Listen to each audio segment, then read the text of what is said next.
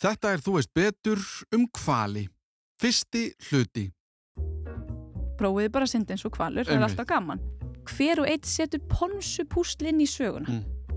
Þeir rífa í sig og kingja. Þannig að stærstu dýr sem hafa lifað á jörðinu eru kvendir. Alltaf skemmtilegt. Núlifandi Nú. eru 94 tegundir kvala til. Umræða um kvali hefur verið ofarlega á baui síðustu mánuði, ekki að ástæðu lausu.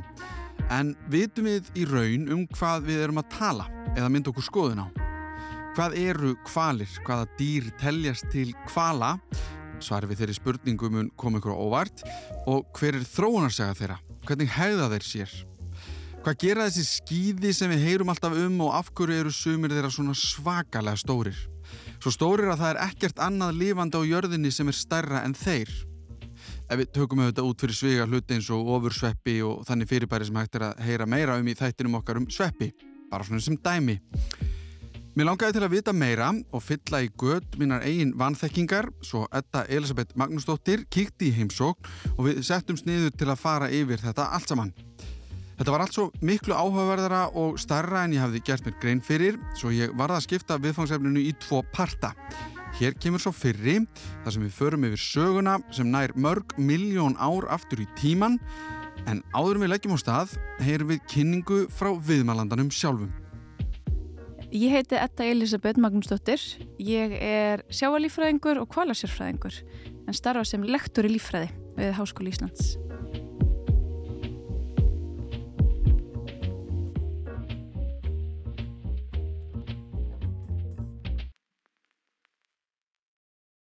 Það eru rauninni fordlega fræðingar sem hafa hjálpað okkur að- setja upp þessa sögu.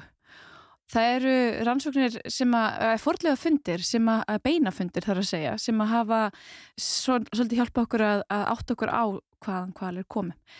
Eh, helstu beinafundinir eru frá svona lágum sjávarlónum eða deltum árósum svona í eh, Pakistan, Indlandi, svona því svæði í Asju Mm.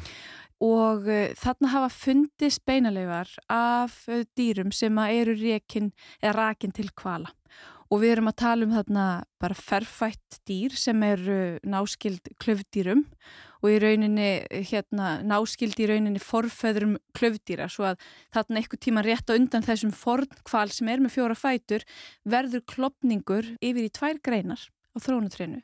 Það sem er önnur greinin eru sagt, hérna, já, hvað maður sé, hópur dýra sem eru náskild klöfdýrum en eru farin að sækja sér fæðu í svona grunn sjávarlón. Mm. Hinum einn eru við með dýr sem þróast út í fjölbreytta grasbíta, kýr og, og hérna flóðhestar og svín og svo framins. En þessi sem að sækja sér fæði í sjávarlónin, þau verða uh, og svona viðhalda randýrs uh, fæðuvali sínu, kjötætu fæðuvali, Mm. meðan hinn er þróast út í grasbíta.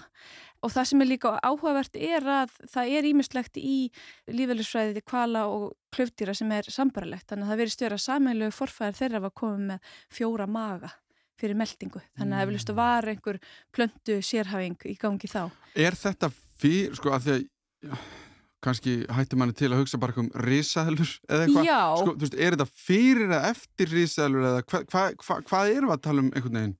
Sirka? Þetta er að gerast fyrir um 55 miljónum árum síðan. Já. Rísaðlur er að deyja út fyrir 65 Já, já, Milljónum já, árum já, síðan. já, já. og við brott hvar þeirra þá er rauninni verður eftir bara heilmikið af landsvæðum og hafsvæðum og ég veit ekki hvað og í lofti landi leiði öllu sem er bara löst. Mm Og þessi risastóru dóminerandi risaðlur sem að ímest voru grassbítar og, og, og hérna, kjötætur eru bara að fara eða alveg farnar Mhm. og á þessum tíma eru þær farnar, er talið, algjörlega. Að þegar maður hugsa til, sko, þessar risaðluna sem maður hefur séð að voru í sjó Já. þessar risa, einhverja stóru Mhm. uh, já, Gífulega stórar við- sæjaðlur. já, einmitt Einmitt, en þær eru þó, uh, allavega þær sem hafa fundist eru ennþá samt, þær eru minni en sem er, sá sem er stærstur í dag af kvölunum, ok, uh, já, þannig að þær náðu ekki yfir það og Já. heldur ekki land hérna risaðlunar, allavega ekki í þyngd og svona í, í lengd, en hæð, það er svona spurning hvaða mæli, mælingu við ætlum að taka, já. en þær eru allavega farnar þær eru skilurðu, farnar.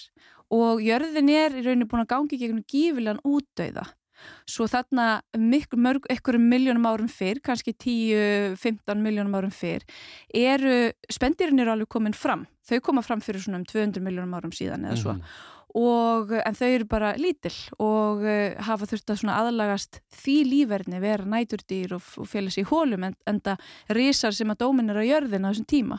En svo þegar í rauninni þessa, þessa gífilegu breytingar verða á jörðinu og ég mitt tala um að það sé líklega loftstein eða loftsteina hrina sem að valdi þessum loftlagsbreytingum á jörðinu að þá þóla spendirinn betur við svo að það fer í gang rosalega mikil, við kallum þetta svona þróanarlega útgislun uh, myndun tegunda. Af því það er löst pláss, það minni samkeppni, það minni minna álag vegna afráns eða já, samkeppni við reysastóru græsbítana mm -hmm. og tilvist kvala er bara partur af þessu í rauninni. Að þeir eru að koma fram þarna, þannig eru, eru spendir sem eru kannski komin á starfið hund og uh, einhverjir, uh, einhverjir afmarkaðir hópar þessara tegunda eru farin að sækja sér, fara út í vatnið mm. kannski fyrst til að sækja sér eitthvað sjávargróður, svo faraðu kannski geta veitt sér eitthvað til matar og það er mögulega mikið prótín þar þar er uh, engin, mjög lítil samkeppni líklega vissulega, fiskarnir fara ekki neitt, það eru fiskar alltaf -hmm. áfram í sjónum en þeir hafa vissulega þróast mikið frá þessum tíma en, en svona veruleg samkeppni við orkuríkt spendir er voða lítil ef einhver Einmitt. í sjónum. Og, og lífið finnur sér leið. Já, já, það gerir það og það er unni þróun verður, sagt, svona vettfangur þróunar er mikið til það sem að er aðgangur á búsvæði og búsvæði þarf að hafa eitthvað skjól í sumu tilfellum eða fyrst og fremst fæðu náttúrulega og aðgengja maka. Það ertu komið svona góðan vettvang mm. og mhm. það greinilega er þarna á þessum stöðum í þessum sjávarlónum eða ísöldu uh, árósum Og, og árásar bara, já, er það, það er árási, árásar, já.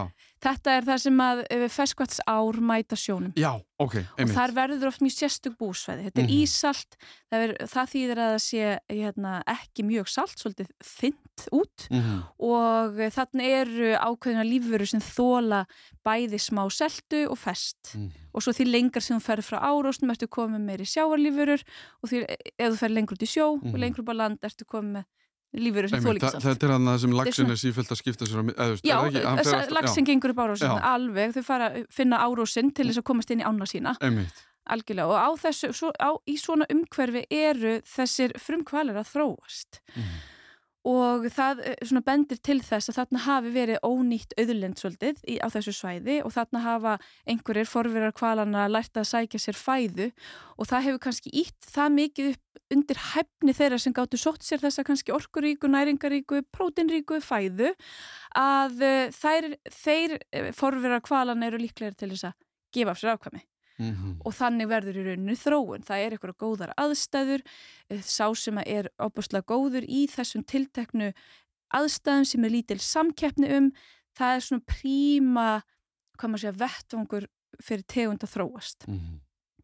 svo að eh, svo ger, þetta gerist í rauninni á cirka 15 miljónum ára frá því að þessi forfæðir kvala er þarna eitthvað starf í Pakistan eða Indlandi, eitthvað starf þar á mörkunum í sjávarlónum eða árósum og er að rölda út í sjóun eða út í vatni að sækja sér fæðu yfir í það að vera komið bara full, við, það er ekki þróunafræðilega rétt að segja full mótaðan kval, en í kval sem er í þeirri, því formi sem við erum þekkjum í dag mm -hmm. uh, og við myndum segja að sé ansi vel aðlagaður úthafslífinu mm -hmm.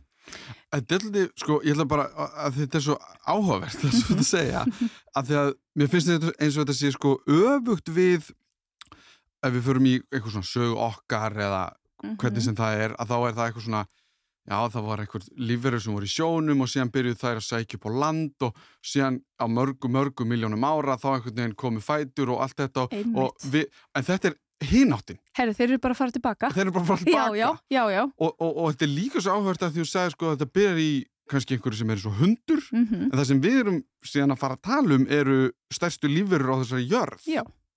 Þannig að og það er kannski tóltið skrítið að heyra það mm -hmm.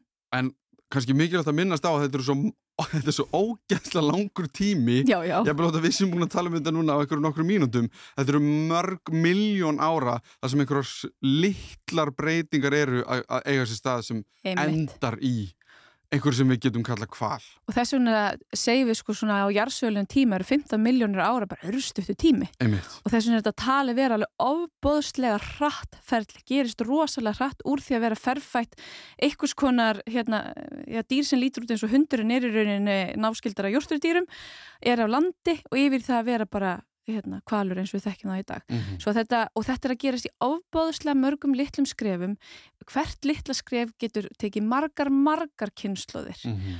og þau skref sem að hafa verið kortlöð eru voðalega áhugaverð það sem er að gerast þarna snemma hjá þessu hundulaga klöfdýri uh, að uh, halin, hann fer fljótt að stækka Mm. og hirn fer að aðlagast með hratt vatni. Það er að segja svona stefnumiðuð hirn.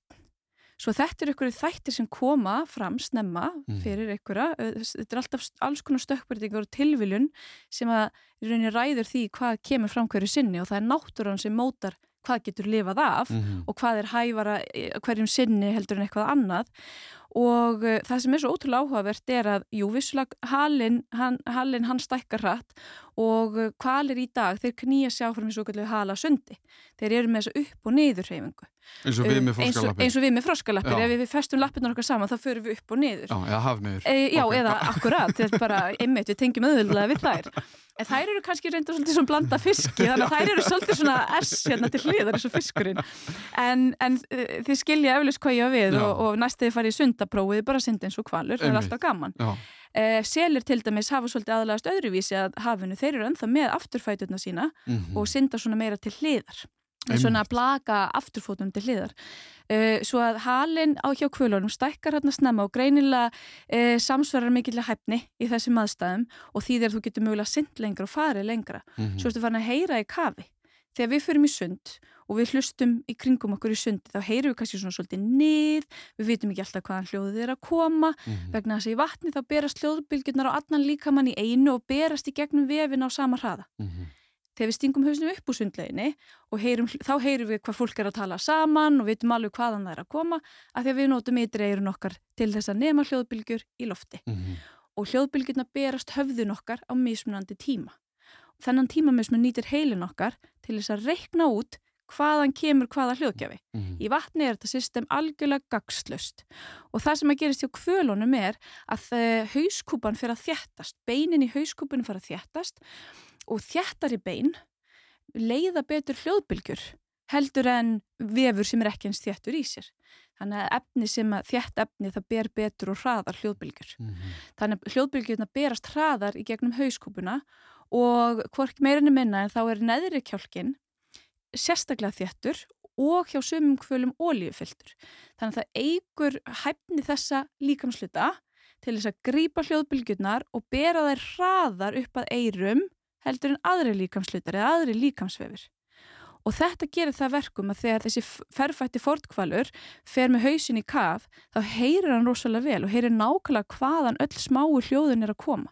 Hjálpar hann að finna fisk, Mhm. finna aðra sumu tegund, verja sig fyrir kannski einhverjum hættulegum sem eru á leiðinni.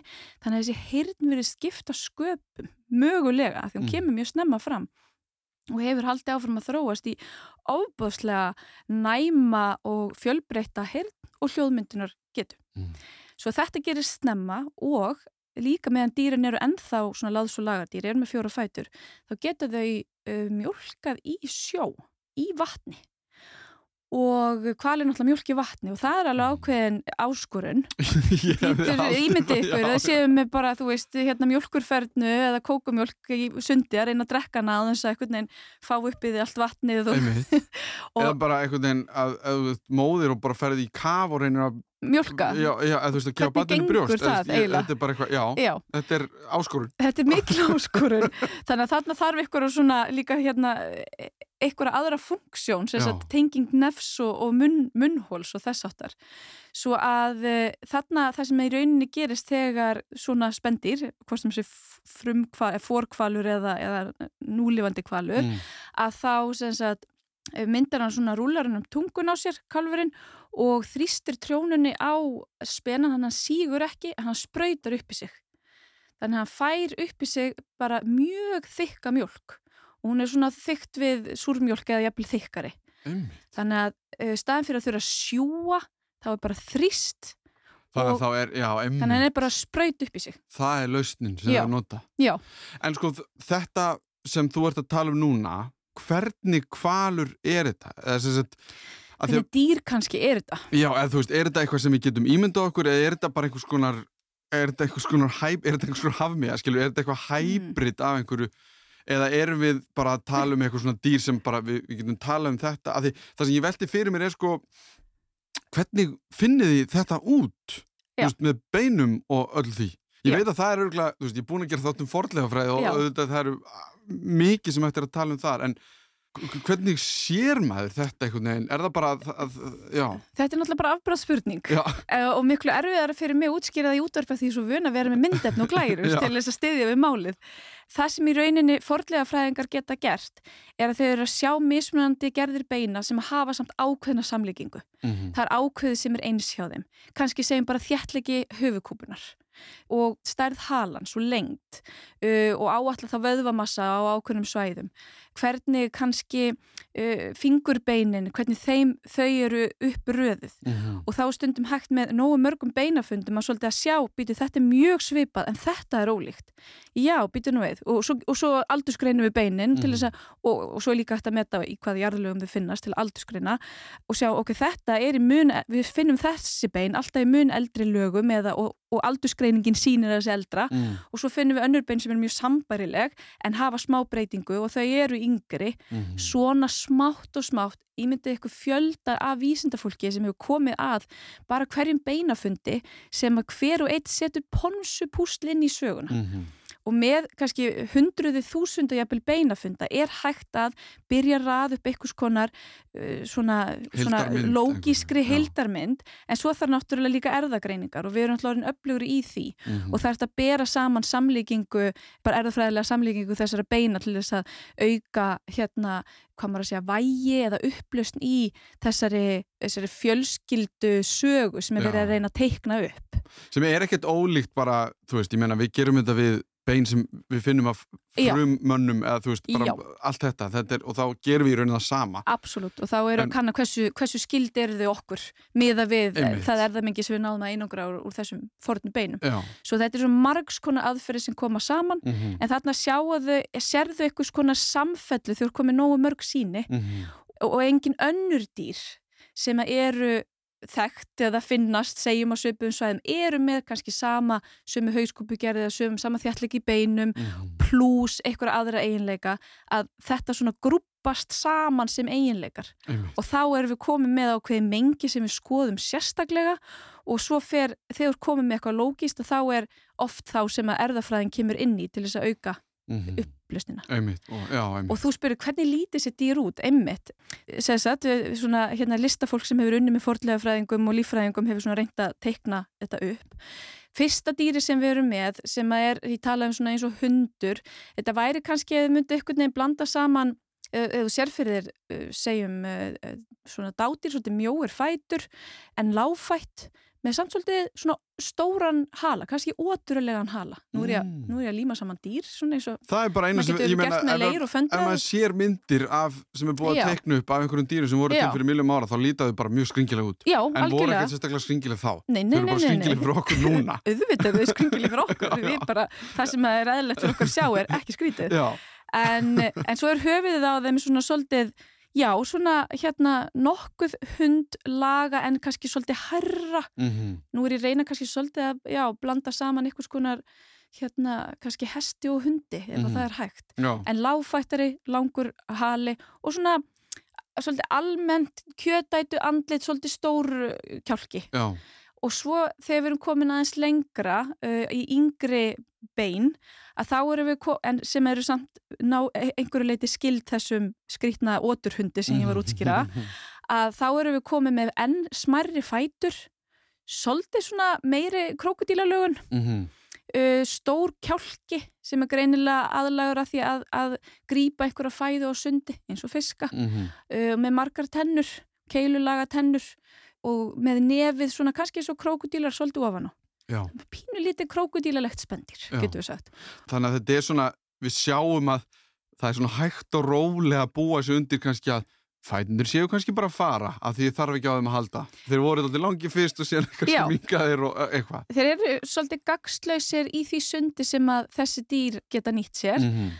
Þannig að þú ímyndaðir sko dýr sem að syndir halasund að það eiginlega þarf að leggja fætuna svolítið upp við líkamann á sér eða undir sig eitthvað neginn og halinn sér um að knýja. Meðan við eins og froskar erum að nota hendur og fætur þú veist til að knýja okkur áfram. já, já. Þannig að ólíklega myndum við þróa með okkur halasund í rauninni hérna því að við erum ekki eins og með hala Nei. lengur þannig en, Ekki, en hver veit, hver veit. hver ég, ætla, veit. ég ætla ekki að segja neitt um það. samt. Ef við hugsaum þetta í jarðfræðilegum uh, jarðfræðilegu samhengi þá geti vel verið eftir Já, ok, reynda, þá eru lungu, lungu útöð sem, en, já, en ok, skiptir Já. ekki máli en, hérna, en að því ég bara ímynda mér sko, eða reyna að ímynda mér að því ég hef í raun ekki ennþá svarið við hjá sjálfum mér hvað kvalur sé, þú veist, er það Mhm. uh, uh, það sem er kallað einsku orkar sem eru háhyrning uh, nei, ekki há- Háhyrningar. háhyrningar, já þú veist, eða er það steipireyður, er það blákvalur eða, Já, hvað allt þetta eru kvalir. allt þetta eru kvalir Já, já, það sem við segjum að séu kvalir eru hérna á ennsku kallast það og skástreik latínu kallast kallast það cetaceans eða cetacea mm. og það er í rauninni dýr sem að koma frá þessum sama stopni og, og skipa ákveðin ættbálk. Reynda að kallast það nú reynda svona ör eða inn ættbálkur en það er aukaðrið sem kannski þurfum ekkert að fara í núna. En þetta er ákveðin grein á lífsins tré sem að eiga sameilan uppruna frá einhverju klöfdýri og hafa sagt, alfarið orðið háð sjónum og eh, þau hafa ákveðina uh, líkamsbyggingu eða morfológiu sem er sambarileg milli allra þessar tegund og hvort þú takir steipireiðina eða háhyrningin eða hnísuna. Mm Það sem þau hafa sameigilegt er að afturfætur eru hornir, alveg hornir. -hmm. Inni í sagt, líkamannu það sem afturfætur hefðu vaksið út, þar inni er agnar lítil mjöðmagrind. Hún er laus frá hrygnum. Ólíkt okkur ef við sjáum fyrir okkur okkar beinagrind, þá er hryggurinn og mjöðmagrind föst saman. Mm. En mjöðmagrindin hefur losnað frá og er í rauninni bara svona einhverja smá leifar af mjöðmagrind inn í vöðvamassa halans. og, Og- gera kannski ekki Ég það er talið þau styðja við kynfærin. Já, einmitt, það hefur bara fundið sér nýtt hlutur Já, já, og þau bara hafa kannski gert það áður en þarna bara aðalega er þetta einu já. sem eftir er í sjálfu sér. Þess vegna eru þau kannski ekki alveg farin, Mhm. valin í burtu. Svo allir kvalir hafa þetta uh, og ef við færum okkur fram eftir líkama kvalisins að þá komum við að herðablöðunum. Og þar eru, eru með herðablöð og svo upphandlegg og, og hérna, hérna við bein og allt þetta. Uh, en upphandleggur og framhandleggur eru ummyndaðir, eru búin að styttast mikið og eru búin að tapa liðamótum. Þetta hafa allir kvalir sammeilegt, hvort sem þessi steipur eða nýsa og stærsti hluti framlimana sem eru þá við kvöllum það bæksli uh, ennsku tala um það sem bara flippers eða eitthvað Mhm. þannig og stærsti hluti eða uppbygging þessara bæksla eða framfótana eru fingurnir þannig að það er stærsti hlutin inni í ef þú reyn- reyna að sjá fyrir bæksli kvals Mhm. bara svona spóruskjölaga eitthvað Mhm. neginn að það eru löng fingarbein og það er sammælt með þeim öllum en fingarbeinin eru bara mjög slöng eftir hversu löng bækslin eru þannig að þetta er svona alls konar líkamleg samlíking þó svo að lögunin sem mjög mismunandi Mhm. og það sem eiga líka allir sammeilegt er að, of, að sérst, nasetnar voru framan á og svo fóru það svolítið ofan á eins og hjá krókudílum Mhm. og svo færðust þær í tímans rás ofar og ofar á hauskupuna valdist fyrir því að eh, ne- nefgöngin í rauninni opnast einhvern veginn upp um hauskupuna vegna þess að það auðveldar þeim að anda. Mhm. Við þurfum alltaf að lifta okkur upp hérna til að ná að anda með Ég nefinu. menn þetta er bara náttúruna fullkomna Já, já. ferlið Og bara, grein, þú lifir, það er öruglega bara mjög hratt val og einhverjur svona eh, smávegis breytilegir, eða smá breyting sem kemur fram, smávegis eiginleikar eru greinilega það, hvað maður að segja, gagnlegir að það verður mikill munur á hæfni þess sem er með nefið aðeins ofan á sér heldur en hinn Mhm. og ef þú ert með einhverja stökkbreytingu uh, fyrir því að nefið svo ofan á og, og þú hittir annan sem að er sem með sambarilega hérna, lögun af nösunum Mhm. að þá verður öll afkaminn þannig og kannski jafnvel enn meiri líkur á að sagt, það verði einhver frekari tilfærsla þannig að það er bara svo opbúslega stert val fyrir þessum þáttum sem eru sam, eiga á sameigila uh, að því að hafið við tölum um það áðan að þau fóru aftur út í hafið Mhm. eftir sko 200 miljón ára aðlögun að landi Já. og hérna lengra en það reyndar en ég bara svona kasta fram einfaldri stórri tölu en cirka 200-300 miljónum ára og svo aftur út í hafið okkur um 15 miljónum árum hafið er ótrúlega krefjandi staður fyrir blóðheitt dýr Já. sem andar að þessu lofti eða þarf að fá súrefni úr lofti Þeir eru náttúrulega galin ákvörðun en Þetta er það, alveg ótrúlega að hafi gengið upp en það sýnir hvað bara lífið getur tekið á sig að lífið getur tekið á sig ótrúlega fjölbreytt form hvað erða efnið er magnað fyrirbæri í rauninni. Mhm. Svo að þarna erum við komið með, í, í dag erum við með þekkið við í kringum 94 tegundir kvala margir hafa náttúrulega dáið út á þessu ferli. Já, þú verðum ekki að tala um núlifandi Jú, núlifandi Nú. eru 94 tegundir kvala til. Nú, ok, Já, það er bara... það er mun meira heldur en ég held Já, það er til Af fullt því ég af nefndi tegundir. þrjár hérna Já, og já. ég held að það hafi verið Og, og tvær þeirra voru sama tegundin. ok, það er ég nefndi tvær um, en, en tvo svona fulltrú og ólíkra hópa. ok, Þannig að þú er hópar þetta í haustum á þér en, en fyrir ekki svo lengu töldu við að kvalategundur væri 80 eitthvað. Þannig að við erum með margar kvalategundur sem að voru taldar vera kannski undir tegund eða eitthvað afbreyði af annari Já, en með frekari sínaöflun sem er oft mjög erfitt að ná og mjög sjálfgefum tegundum að þá smátt og smátt erum við að fá meiri upplýsingar og, Mm. og það er sagt, samkvæmt svona nýjustu tölum að þá er það um, um 94 og það er ekkit langt síðan að bara síðasti hérna eh, eitt skýðiskvalur sem að finnst í hérna svona nær sérst hitabeltinu var skilgreindur sem, sem tegund Mhm. og uh, þannig að við erum svona, við erum ennþá að en það Já. er rauninu bara þarna erum við að fínpúsa sagt, þessi kvalir sem eru nýbúið skilgrina eða nýlega búið skilgrina hafa kannski sérst oft en talið að sé innan já, einmitt. er rauninu það sko En sko, af því að ég fór í innan út úr varandi hvað séu kvalir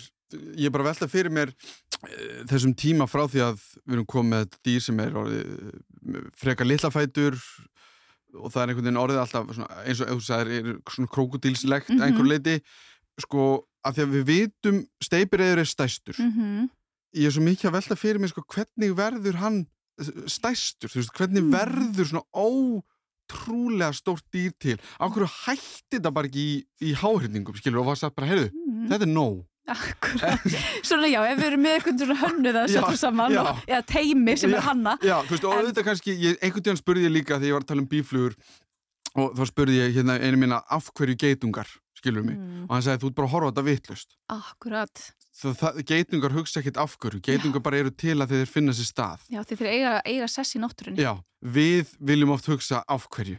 Og það er bara mjög góð svona hugsun að hafa svona bak við eira að það eru í raun bara við sem erum alltaf að segja byrja en af hverju og til hvers Mhm. en þessi risa kvalur af því mér finnst hann náttúrulega svo spennandi af Auðvitað. því hann er stæstur Mhm. Og Ein- flestir leikskólakrakkur í Íslandi þekkja steipirið og vita hans er stærsti kvalur Já, í heimi, eða stærsta dýrjarðar. stærsta dýr jarðar og, Mhm. og allt þetta og við sem mannfólk höfum átt í svo áhaverðu sambandi Mhm. við þennan kval eða, Mhm. ok, kval er örgulega verið höfuð en ég meina Moby Dick Já, já, sem er já. einn frægasta skáldsa Já, allra já. tíma Þar eru við með, með búrkval, sko. Þa, það er búrkvalur Rísas stærsti tannkvalurinn, ógvaldur hafsins. og, og, og hérna, ég var að lesa um daginn að Moby Dick er byggð á einhverju sögu af gömlum sjómunum Mhm. sem að þú veist, Mhm.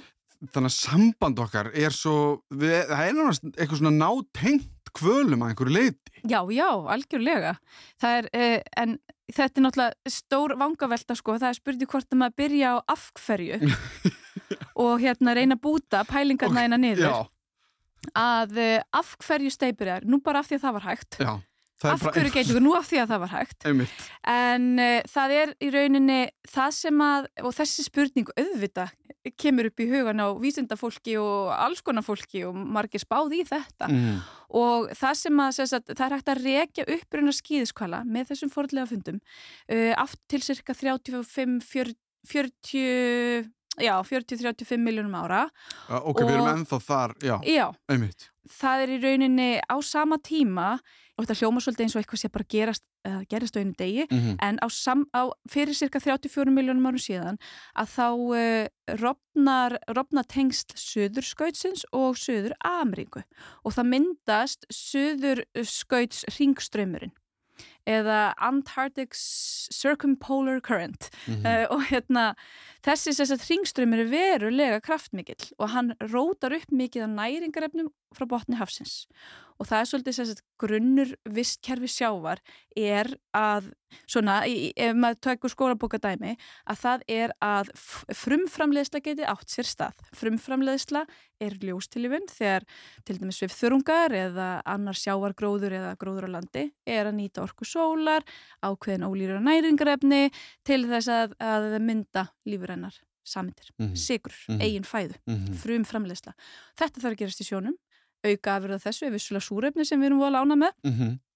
og það verður mikil, mikil uppbrót af næringrefnum og mikil, meira af næringrefnum í talið, í efri lögum sjávar þarna þegar þessi ringströymur myndast og þessi ströymur náttúrulega vel þekktur og vel rannsakaður í mhm. dag mm. sem er bara eins og gólströymurinn og það er ekki að segja eins heldur bara, við erum að tala um bara Rísa massi, jarðar, já, bara já. massi af vatni sem að fylgir ákveðinu svona ferli, mm -hmm. smá fyrirfrá það er hægt að áætla ferðir þessa ströyma mm -hmm. og, og kraftir á ímislegt og þetta er bara viðvarandi ströymur uh, sem að sest, keirist áfram af ímsum eðlisfræðilegum þáttum. Og kannski mörgum á gólströmi er þá gólströmi er líkast loftströymir þau erum að tala um sjóin. Nei, þetta er gólströmi er sjóströymir. Er það? Já, já, okay. það er alveg. Alltaf er maður að læra hvernig. Já, já, en hefur áhrif á uh, loftið, loftslæð. Já, já.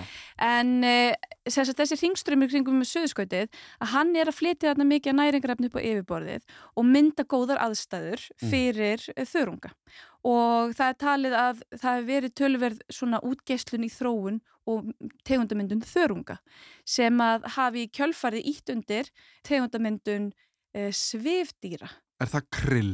Krill til dæmis, Já. það er við kvöldum það áta. Svona pingulítil. Já, þú getur verið með rauðátu sem er kópipots á ennsku mm. eða, eða ljósátu sem við rannsökum svolítið mikið hérna við Ísland, reyndar rauðátuna líka. Mm -hmm. Ljósátan er, er krill á ennsku og, og, og stundum kalla kríli En e, það verður útgeistlun, aftur ég að tala um þess að tegunda myndunar útgeistlun mm -hmm. sem mhm. átti sér stað hjá kvölunum, verður þarna hjá e, á söðskautunni það sem að ringströymur myndast fyrir svifþurunga mm. og fyrir átuna eða, eða hérna, smá og önnur, ekki bara átuna, smálag hérna, sviflag krabbadýr. Mm -hmm.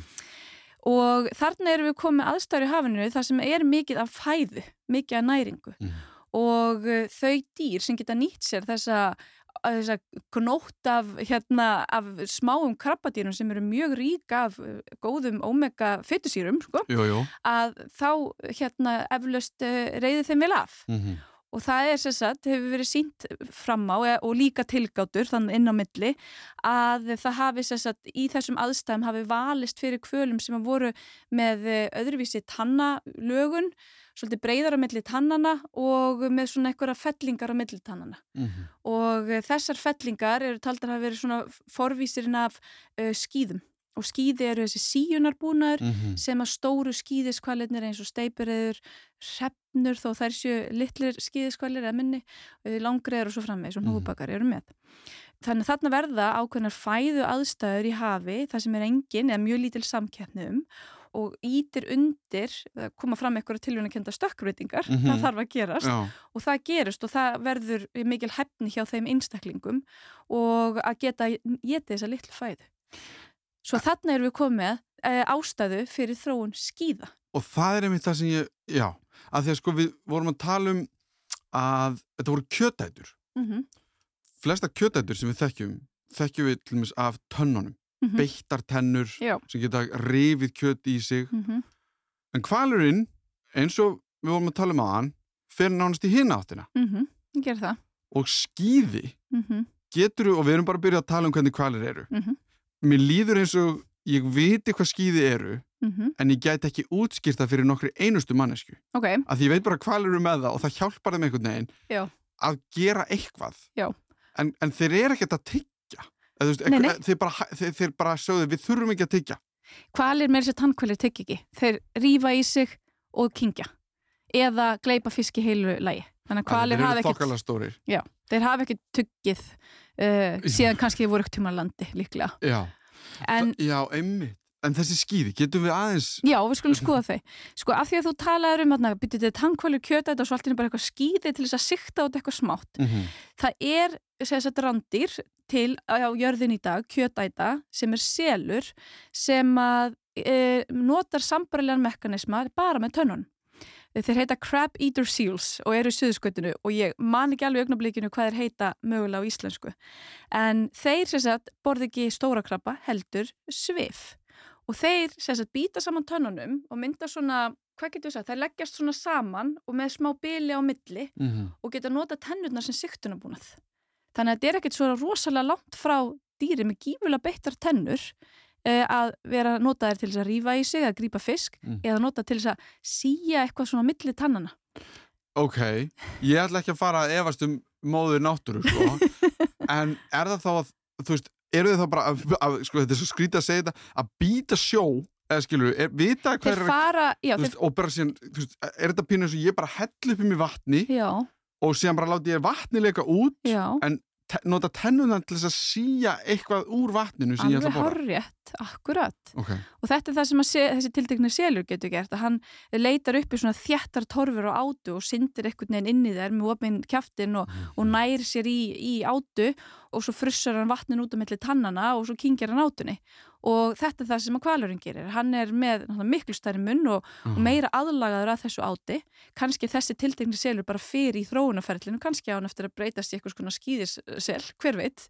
En, hérna, en hann allavega er að sækja sumu fæðu með Mhm. svipari pælingu en annan, annan búnað. mm -hmm. Skýðiskvælinir, við vitum alveg að, að þeir eru með í erðamengi sínu upplýsingar um tennur vegna þess að í fóstrum skýðiskvæla þar eru tennur en þær svo bara leysast upp, þær eru eins og bara þegar hérna barnatennur ekki komnar niður, Mhm. hvalir reyndar eru bara með eitt sett af tönnum, þeir sem eru með tennur Mm. en eh, í fóstrum skýðiskvæla eru sess að vísir af tönnunum í eh, efri kjálka en þær kom aldrei niður en það vaksa niður þessir, þessi skýði og skýði eru keratín Já, sem er úr því saman neglutnar okkar Aha. og hárið okkar og skýðið getur ímyndaðir sem eitthvað svona brjálasla þykk nögl sem er svolítið svona tætt á öðrum endanum með smá hárum á endanum er það að tala um uppi? Eða Já, það, og það vex, þetta vex niður úr neðri eh, efri kjálka Mhm.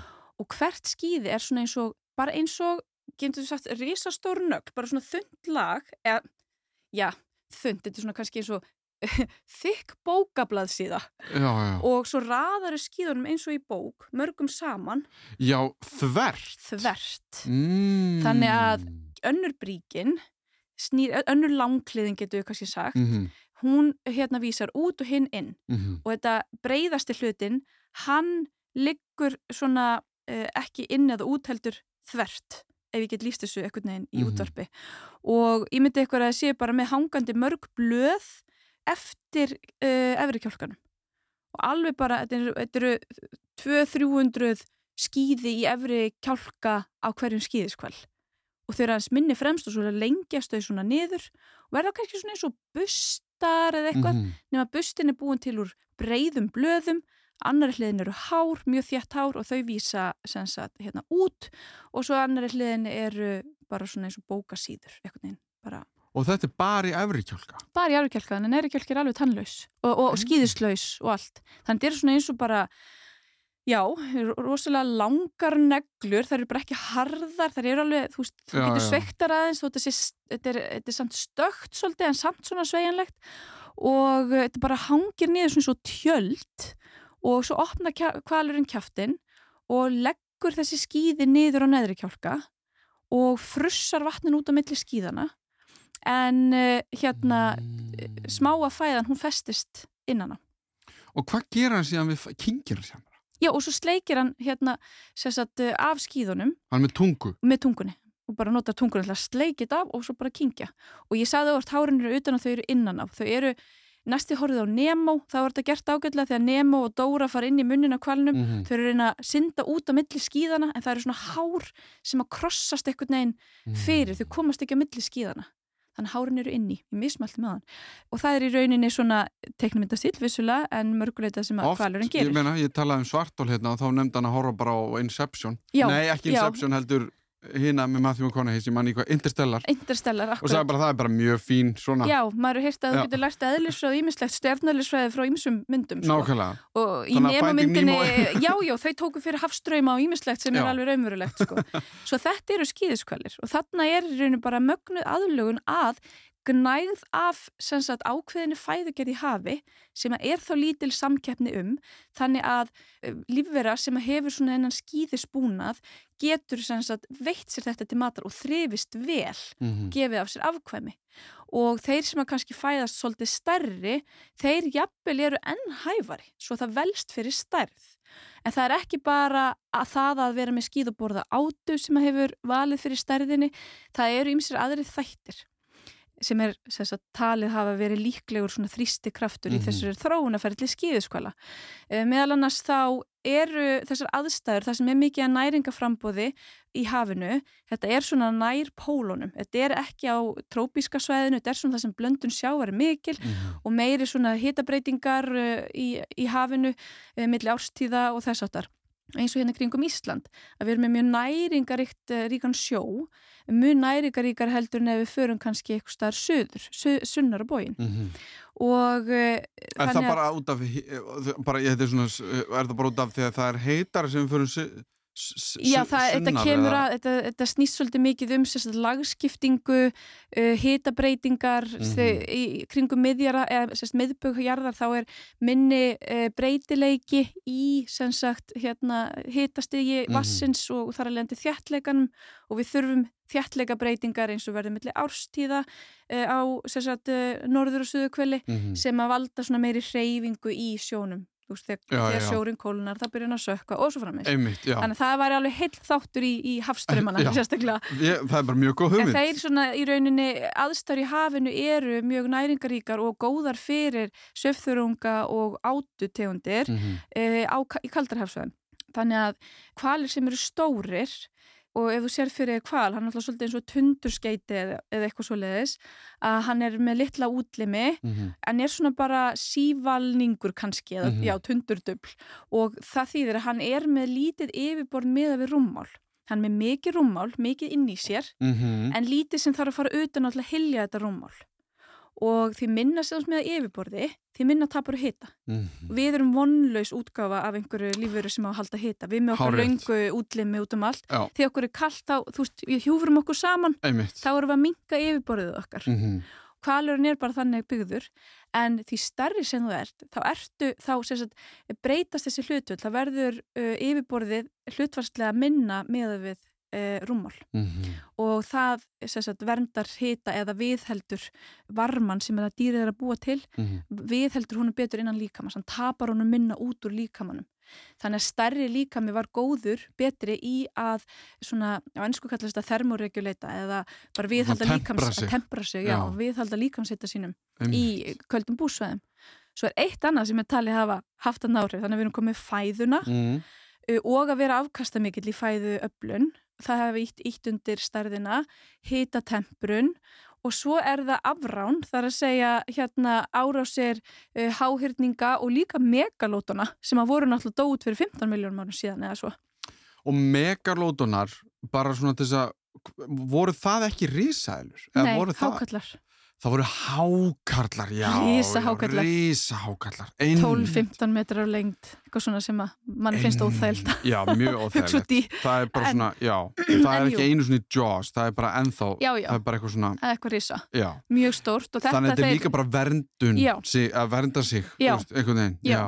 Þannig að uh, hjá sem sagt skíðskólan þá er það kýrnar sem eru verða stærri en tarfarnir, við köllum þetta kýr og tarfa. Mm Þær eru sjá einar alfarið um uppeldi kálfsins og þær eignast sinn kálf oft svona aðeins og heitari uh, búsvæðum Mhm. eða sem sagt nær meðbög og færa sig svo yfir á næringaríkari svæði, annars vegar söðurkvilið fyrir kvali sem eru þar eða norðurkvilið fyrir kvali sem eru þar. Og hún þarf að synda með, kvalin, með kálfin sinn þegar hann eru nógu stálpaður og hún þarf að gefa honum rosalega mikla og feita mjölk svo að ná ákveðinni stærð svo hann geti synd þessu löngu vegalengt. -hmm. Þannig að þær eru mikið til bara einar með þetta. Þannig að kvendýrin eru stærst. Þannig að stærstu dýr sem hafa lifað á jörðinu eru kvendýr. Þetta er skemmtilegt. Mm -hmm.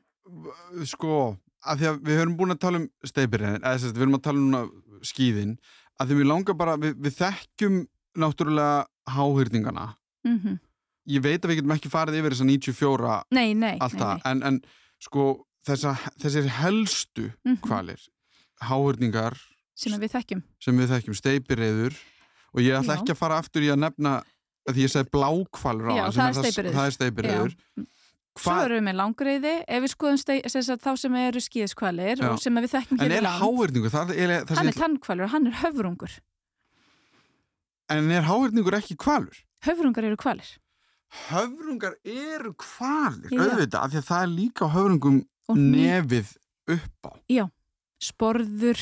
Þeir eru, ég tó, Þannig að tók það ekki fram á þann að þeir eru allir með sporð ég, held að það sé nú nokkuð við gefið sko. Já. en, en já, einmitt þannig að höfrungar eru kvalir af, þessast kval ætt eða eitthvað já, já, þeir eru af ættbólki kvala en þeir eru með tennur? Þeir eru með tennur, já.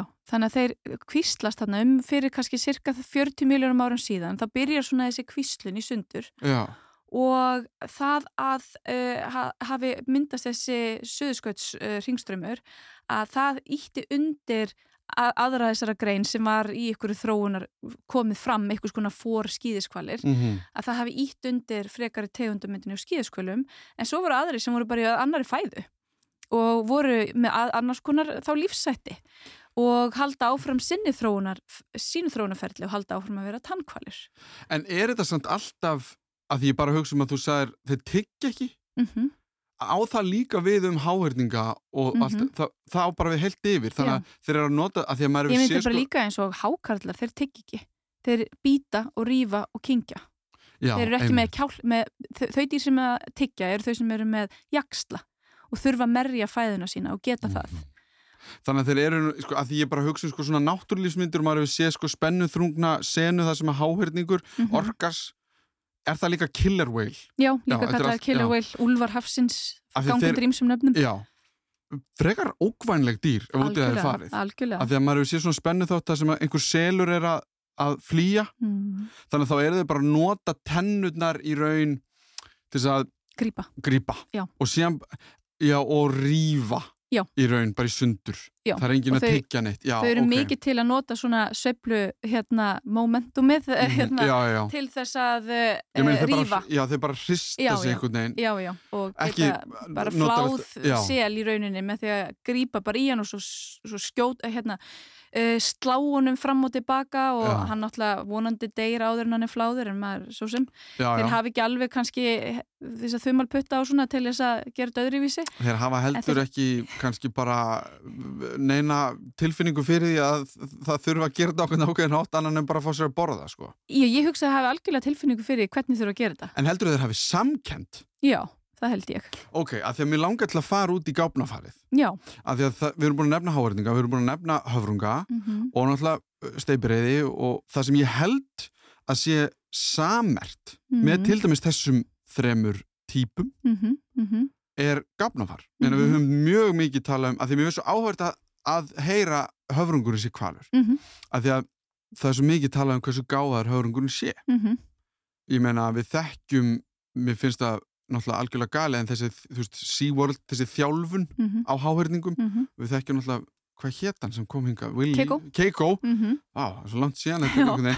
En þú veist, að, að þjálfa, veist, þannig að það er greinilega gáfnafar í gangi. Já, já. Veist, það er verið að pæli hlutum. já, það, er, það er tungumál. já, það er tungumál.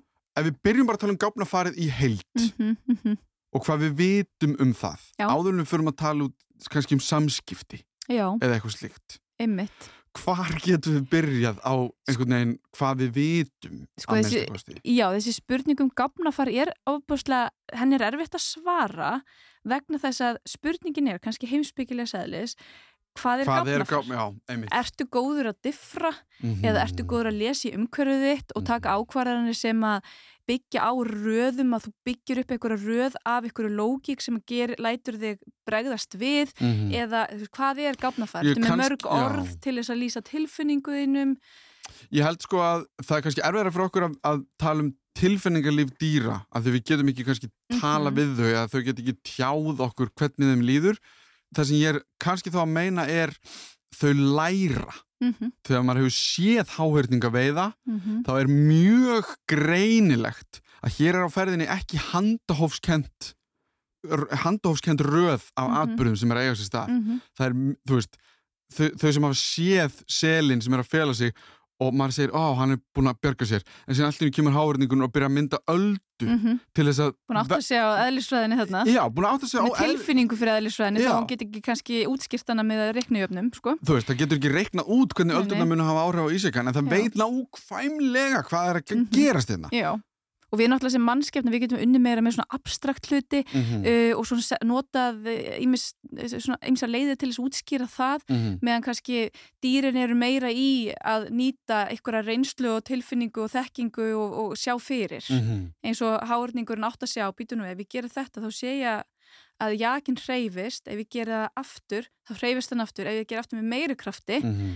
að þá hreyfist hann það mikið að selur hann upp á hann verðist vera dett út í. Mhm, Þannig að við vitum náttúrulega ekki nákvæmlega hvaða lógísku hugsanaröð, eh, hvaða lógísku hugsanaröð fyrir gegnum huga hárningsins, en við verum líka alveg að munna að við erum dýr líka og hérna það eru örgulega margt svona sambarilegt í lógíkinni. mhm, Og, en þarna svona ef að maður fylgist með hvernig þau eh, kannski læra að þá er það yfirleitt í einhverjum litlum skrefum rétt eins og við.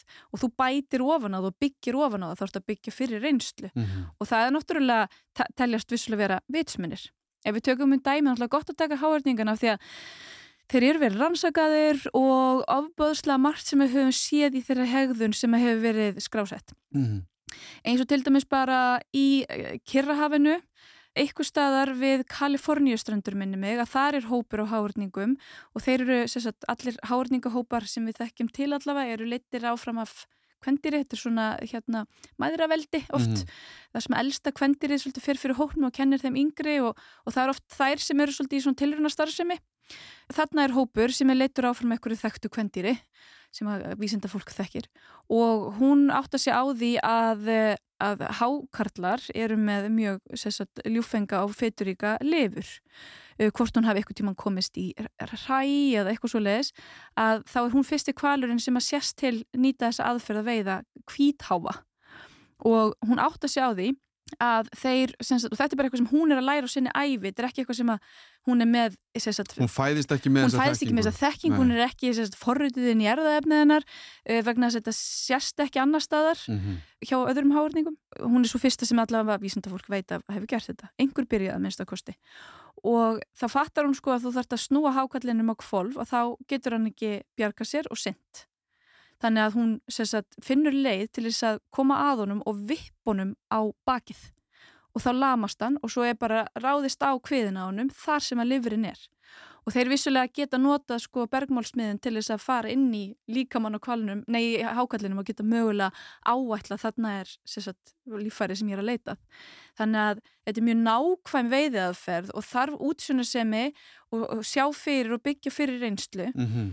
með svona útsjónasemi held ég að ma hvaða manneska sem ég geti bara að lifa ágættu líf út í náttúrunni sko. Ég meina þetta er á, sko, ef við förum mörg þúsund ára aftur í tíman mm. að þá var það svona sem maðurinn læriði Já, já, absolutt. Við Skoðum, síðan reyndar komum síðan að því að við gáttum sagt öðrum frá því við, hérna, en við höfum eftir að fara í tungumáli þannig að kannski, já, en hérna, en ég meina þetta er bara, þetta er ekkert eitthvað mikið öðru í sig þetta er bara, þú veist, ég sé í og ég læri. í grunninn er þetta ofbúslega sambarilegt Já, uh, við hvernig við í rauninni vinnum. En Mm. svo erum við með ímiskonar lög eins og Mm. til dæmis sem er tungumálið og líkamstjáning og ímislegt sem við höfum til Mm. þess að tala saman og flytja upplýsingar okkar á milli. mhm, En dýr gera það líka bara ekki á sama hátt og við vissulega. Við náttúrulega þróumst með hérna, þessar talstöðvar og ímiskonar breytingar á heilanum okkar sem gera það að verkum að við getum tjáð okkur með orðum og fjölbreyttum orðum og hugsað abstrakt og ímislegt. mhm. En ég ætla ekkert að draga úr vitsmunum mannverunar, alls ekki. Nei, ég er sko. ekki að gera það, sko. En ég, er hérna- heldur, ég er bara alveg að meina sko að þú veist, þetta er, hvað maður kalla trial and error eða, veist, Já, það, þetta er, bara trial and error, Já, það er það sem er- við gerum í öllu já, og við gerum það, þannig erum við sífælt, þannig þróast tæknin áfram, þetta er bara Mhm. trial and error. En hvaðan í rauninni kemur þetta?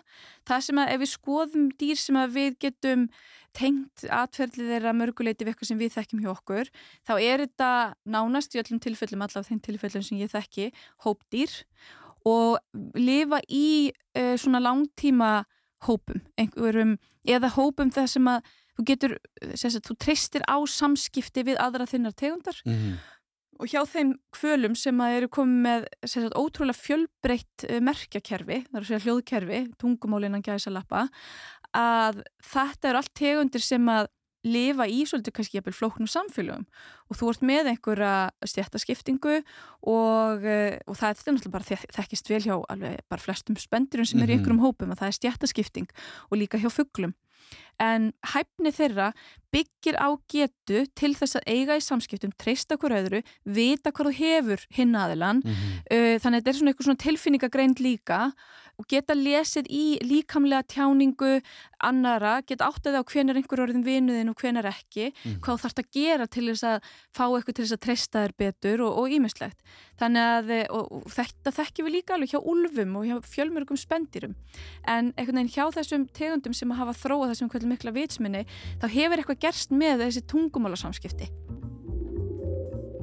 Þá höfum við farið aðeins yfir þróunarsögu kvala eins og kom bersýnilega í ljós þá vissi ég enn minna um kvali en ég held að ég vissi.